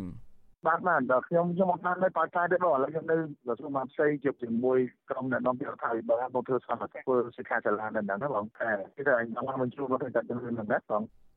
ចំណែកអធិការនគរបាលក្រុងប៉ោយប៉ែតលោកសៅសវឿនក៏សូមមិនធ្វើអត្ថាធិប្បាយពីរឿងនេះដោយរុញឲ្យតាក់ទងទៅគណៈកម្មការនិងជាអ្នកនាំពាក្យសាលាខេមន្ទីរមន្ត្រីលោកងៅមេជ្រួនជំនួសវិញប៉ុន្តែលោកធ្លាប់បញ្ជាក់ប្រាប់សារព័ត៌មានក្នុងស្រុកកាលពីថ្ងៃទី1ខែមករា ថាសពជនរងគ្រោះជាជនជាតិថៃបានស្លាប់ដោយសារឆ្លុះផ្សែងភ្លើងពាក់ព័ន្ធការរកឃើញសាកសពជនរងគ្រោះហេតុការណ៍ឆែគីកាស៊ីណូទាំងសាច់ញាតិអ្នកដែលបានស្លាប់និងសាច់ញាតិអ្នកដែលបានបាត់ខ្លួននៅតែទន្ទឹងរង់ចាំសមាជិកគ្រួសារដោយទទួលដោយអាជ្ញាធរពលឿនការស្វែងរកហើយកំណត់អត្តសញ្ញាណសាកសពនៅសល់ទាំង6នាក់ពលរដ្ឋបាត់បង់សមាជិកគ្រួសារលោកខឹមវងថ្លែងថាលោកមិនតន់រកប្រពន្ធរបស់លោកឃើញនៅឡើយទេលោកបន្តថាលោកបានទទួលដំណឹងថាអាញាធររកឃើញសាកសពជនគ្រោះម្នាក់ទៀត ប៉ុន្តែជាមនុស្សប្រុសជនជាតិថៃប៉ុណ្ណោះលោកបន្តថាលោកកំពុងនៅសាលាក្រុងប៉ោយប៉ែតជាមួយម្ដាយក្មេកហើយឲ្យអ្នកជំនាញពិនិត្យ DNA ម្ដាយក្មេកដើម្បីស្វែងរកប្រពន្ធបន្តលោកខឹមវងសោកស្ដាយដែលគណៈកម្មការរករោគសាកសពឆាប់ឲ្យបញ្ចប់ការរករោគទាំងលោកនិងបរិបមួយចំនួនទៀតមិនតរកឃើញសមាជិកគ្រួសារនៅឡើយទេនិយាយទៅគឺរករោអស់ឲ្យចិត្តឲ្យយើងតែរោរោទៅគួរតែរករោទៀតហ្នឹង លឿនទៅញ៉ាប់បិទគ្រប់រោគទៅដែលខ្ញុំមកប្តឹងគេនេះបានគេនិតឲ្យអីឲ្យហ្នឹងណាបងគេហៅមកពិនិត្យ DNA នៅសាលាក្រុងនេះបាទខ្ញុំកំពុងនៅសាលាក្រុងហេតុការឆែកកាស៊ីណូ Grand Diamond City នៅក្រុងប៉ោយប៉ែតកន្លងមកទាំងសមត្ថកិច្ចកម្ពុជានិងថៃរកឃើញអ្នកស្លាប់26នាក់បុគ្គលិកមួយចំនួនដែលរស់រានមានជីវិតចាត់ទុកថាជាការធ្វើប្រហែសរបស់ក្រុមហ៊ុនដែលគ្មានប្រព័ន្ធការពារសុវត្ថិភាពនិងការជូនដំណឹងដល់អ្នកនៅក្នុងអគារ ហើយការជួយសង្គ្រោះរបស់អាជ្ញាធរមិនទាន់ពេលវេលាទៅបណ្ដាមានមនុស្សស្លាប់ច្រើនបែបនេះរបាយការណ៍អគារភ័យសន្តាគារ Grand Diamond City និងកាស៊ីណូប៉ោយប៉ែតរបស់រដ្ឋលេខាធិការចិនត្រៃក្រសួងសុខាភិបាលប្រទេសថៃលោកមជ្ឈបណ្ឌិតអូប៉ាការីខ្វិនផុងកាលពីថ្ងៃទី8ខែមករាបង្ហាញថាមានមនុស្សរងរបួសស្រាលជាង100នាក់ហើយស្លាប់នៅកម្ពុជា25នាក់ហើយស្លាប់នៅថៃម្នាក់ហើយ19នាក់ជាជនជាតិថៃបើទោះបីជាតួលេខអ្នកស្លាប់នៅប្រទេសថៃមានការប្រែប្រួលប៉ុន្តែអាជ្ញាធរកម្ពុជា នៅមិនទាន់ជារបាយការណ៍បច្ចុប្បន្នភាពឬក៏របាយការណ៍វឌ្ឍនភាពការងារពាក់ព័ន្ធការឆែកគាកាស៊ីណូនេះនៅឡើយទេជុំវិញរឿងនេះមន្ត្រីសម្របសម្រួលសហព័ន្ធសហជីពចលនាពលករប្រចាំខេមរទីមន្ត្រីលោកប៊ុនសុធីមានប្រសាសន៍ថាអាញាធមមិនគួរឆាប់បិទបញ្ចប់ការរករោគសាកសពជនរងគ្រោះអាគីភ័យនៃកាស៊ីណូ Grand Diamond City នោះទេលោកថាលោកធ្លាប់ធ្វើការជាប្រធានសហជីពនៅកាស៊ីណូ Grand Diamond City ដែរលោកថាកាស៊ីណូធំហើយមានបន្ទប់ច្រើនហើយនៅពេលភ្លើងឆេះ គឺដាច់ភ្លើងធ្វើមនុស្សចល័តរកផ្លូវជឿរៀងខ្លួនដើម្បីរស់ហើយនៅខ្លះអាចស្លាប់ដោយសារផ្សែងច្រើន តាមដែលអាចទៅរួចគួរតែរុករកឲ្យអស់ព្រោះថារយៈពេលវាយូរថ្ងៃដែរហើយតែអាគារហ្នឹងនៅឈរជើងបានហ្នឹងអញ្ចឹងយើងគិតថាអាចបន្តការរុករកបានពីដំបូងឡើយមានហេតុផលទាំងខ្លាចលក់អាគារហ្នឹងវាបាក់វារលំអីចឹងណាព្រោះវានៅសេះភ្លាមអញ្ចឹងក៏មានការលើកឡើងក៏ការរុករកអីចឹងសិនទៅប៉ុន្តែដល់ពេលមកដល់ម៉ោងនេះយើងឃើញថាអាគារហ្នឹងអត់ទាន់បាក់អត់មានច្រត់អត់មានអីទេអញ្ចឹងអាចថាចូលរុករកឬក៏អីបានដូចជាมันជាទៅមានបញ្ហាទេខ្ញុំគិតថាគួរតែបន្តរុករកទៀតនៅក្នុងបន្ទប់មានច្រើនបន្ទប់មានច្រើនណាព្រោះនៅក្នុងកាស៊ីណូពលកលៈច្រើនណាអញ្ចឹងគាត់ភ័យខ្លាំងស្លន់ស្លោងឹតដាច់ភ្លើងគាត់ចេះតែរត់ទៅចេះតែមុលចេះតែចូលទៅអញ្ចឹងគឺត្រឹមថ្ងៃទី12ខែមករាអគិភ័យឆេះកាស៊ីណូនៅក្រុងប៉ោយប៉ែតមានរយៈពេល2សប្តាហ៍មកហើយប៉ុន្តែសាច់ញាតិបុគ្គលិកធ្វើការនៅអគារនេះមិនតរកឃើញគ្រប់នៅឡើយទេគ្រួសារជនរងគ្រោះឬក៏អាជ្ញាធរកម្ពុជាថាធ្វើការយឺតយ៉ាវក្នុងការជួយសង្គ្រោះហើយមិនយកចិត្តទុកដាក់ជួយរកនៅបានបាត់ខ្លួននោះទេសង្គមស៊ីវិល ទទួលដល់អាជ្ញាធរប្រទេសទាំងពីរបន្តការរករោគហើយពន្លឿនការបញ្ជាក់អត្តសញ្ញាណអ្នកស្លាប់និងអ្នកបាត់ខ្លួនដើម្បីសាច់ញាតិអាចយកសោតធ្វើបុណ្យតាមប្រពៃណីហើយផ្ដល់យុត្តិធម៌ដល់អ្នកស្លាប់ខ្ញុំសុនចាររថាវិទ្យុអេស៊ីសេរីរាយការណ៍ពីរដ្ឋធានីវ៉ាស៊ីនតោនលោកអ្នកនាងកញ្ញាជាទីមេត្រីលោកអ្នកកំពុងតែស្ដាប់ការផ្សាយរបស់វិទ្យុអាស៊ីសេរីផ្សាយចេញពីរដ្ឋធានី Washington សហរដ្ឋអាមេរិកចាប់ព័ត៌មានពីខេត្តមណ្ឌលគិរីឯណោះឲ្យដឹងថា ប្រជាសហគមន៍ជនជាតិដើមភាគតិចភ្នងនៅក្នុងខេត្តនេះចំនួន6នាក់រួមទាំងមន្ត្រីអង្គការសង្គមស៊ីវិលម្នាក់ទៀតកាលពីថ្ងៃទី12ខែមករាបានចូលទៅបំភ្លឺនៅសាលាឧទ្ធរខេត្តត្បូងឃ្មុំតាក់ទងនឹងសំណុំរឿងប្តឹងអាជ្ញាធរពីរនាក់ពីបទចេញកម្មសិទ្ធិដីធ្លីឬប្លង់រឹងក្នុងតំបន់ព្រៃស្រោងដោយខុសច្បាប់ពួកគាត់ចាត់ទុកទង្វើនេះថាគឺជាការកេងប្រវ័ញ្ចសម្បត្តិជាតិបំពេញបំរាមរបស់រដ្ឋាភិបាល និងមើលស្រាលច្បាប់ចាលោកនៅវណ្ណរិនរាយការណ៍អំពីរឿងនេះ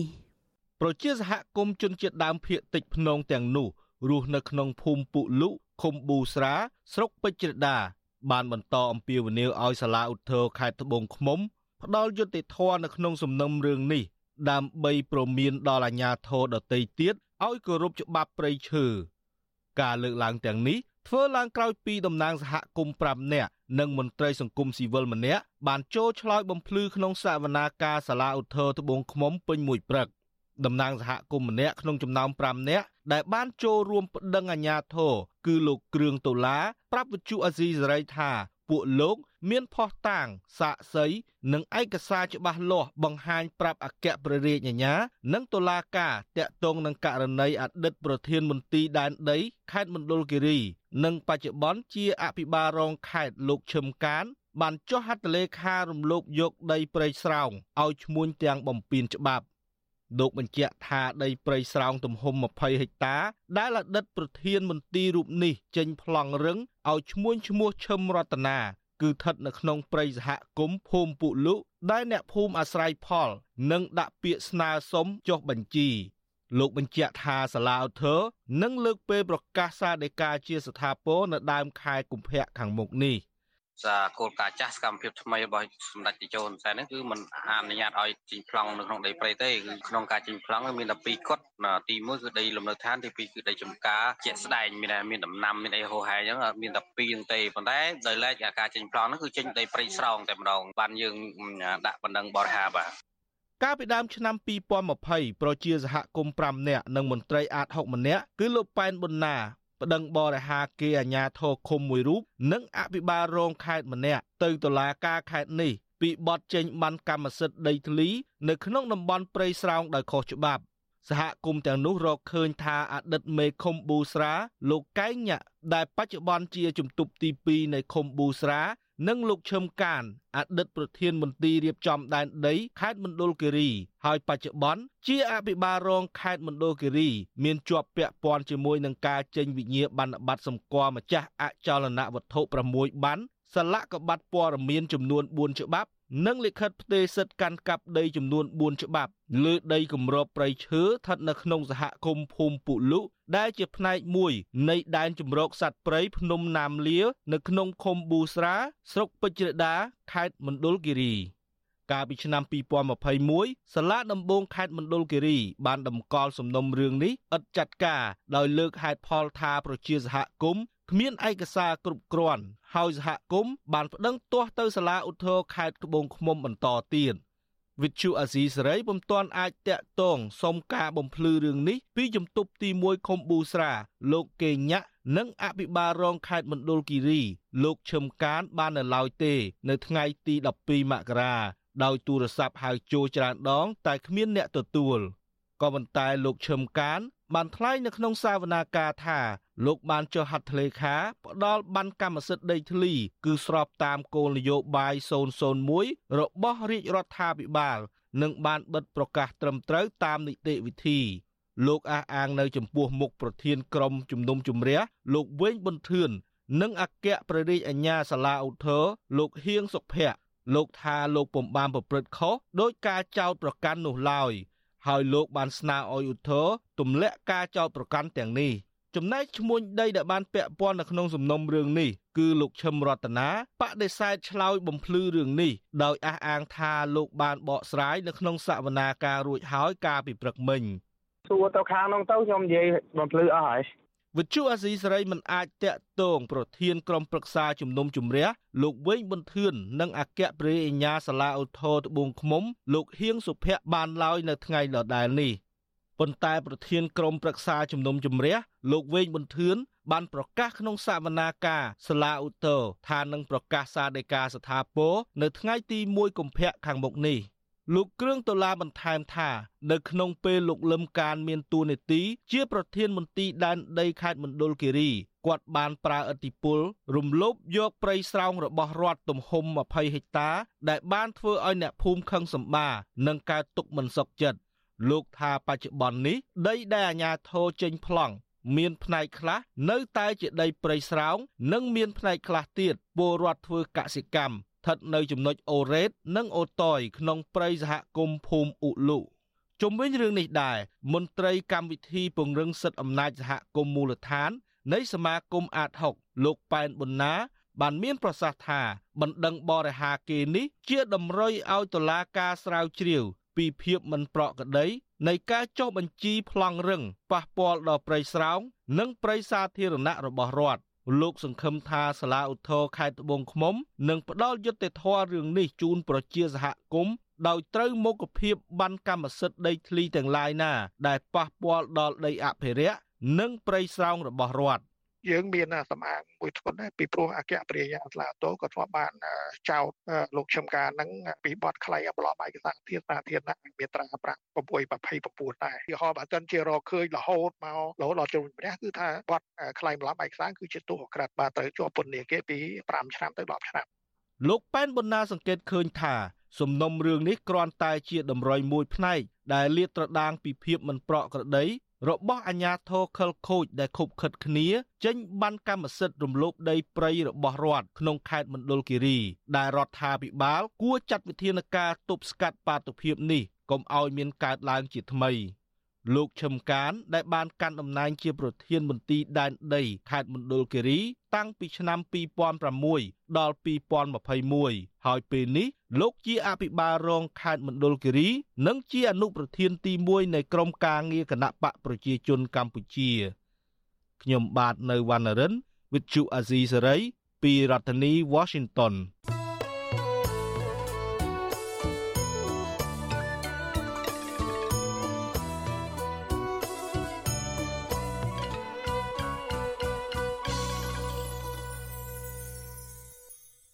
លោកអ្នកនាងកញ្ញាប្រិយមិត្តជាទីមេត្រីចាការផ្សាយរយៈពេល1ម៉ោងរបស់វិទ្យុអាស៊ីសេរីនៅព្រឹកនេះចាប់ត្រឹមតែប៉ុណ្ណេះ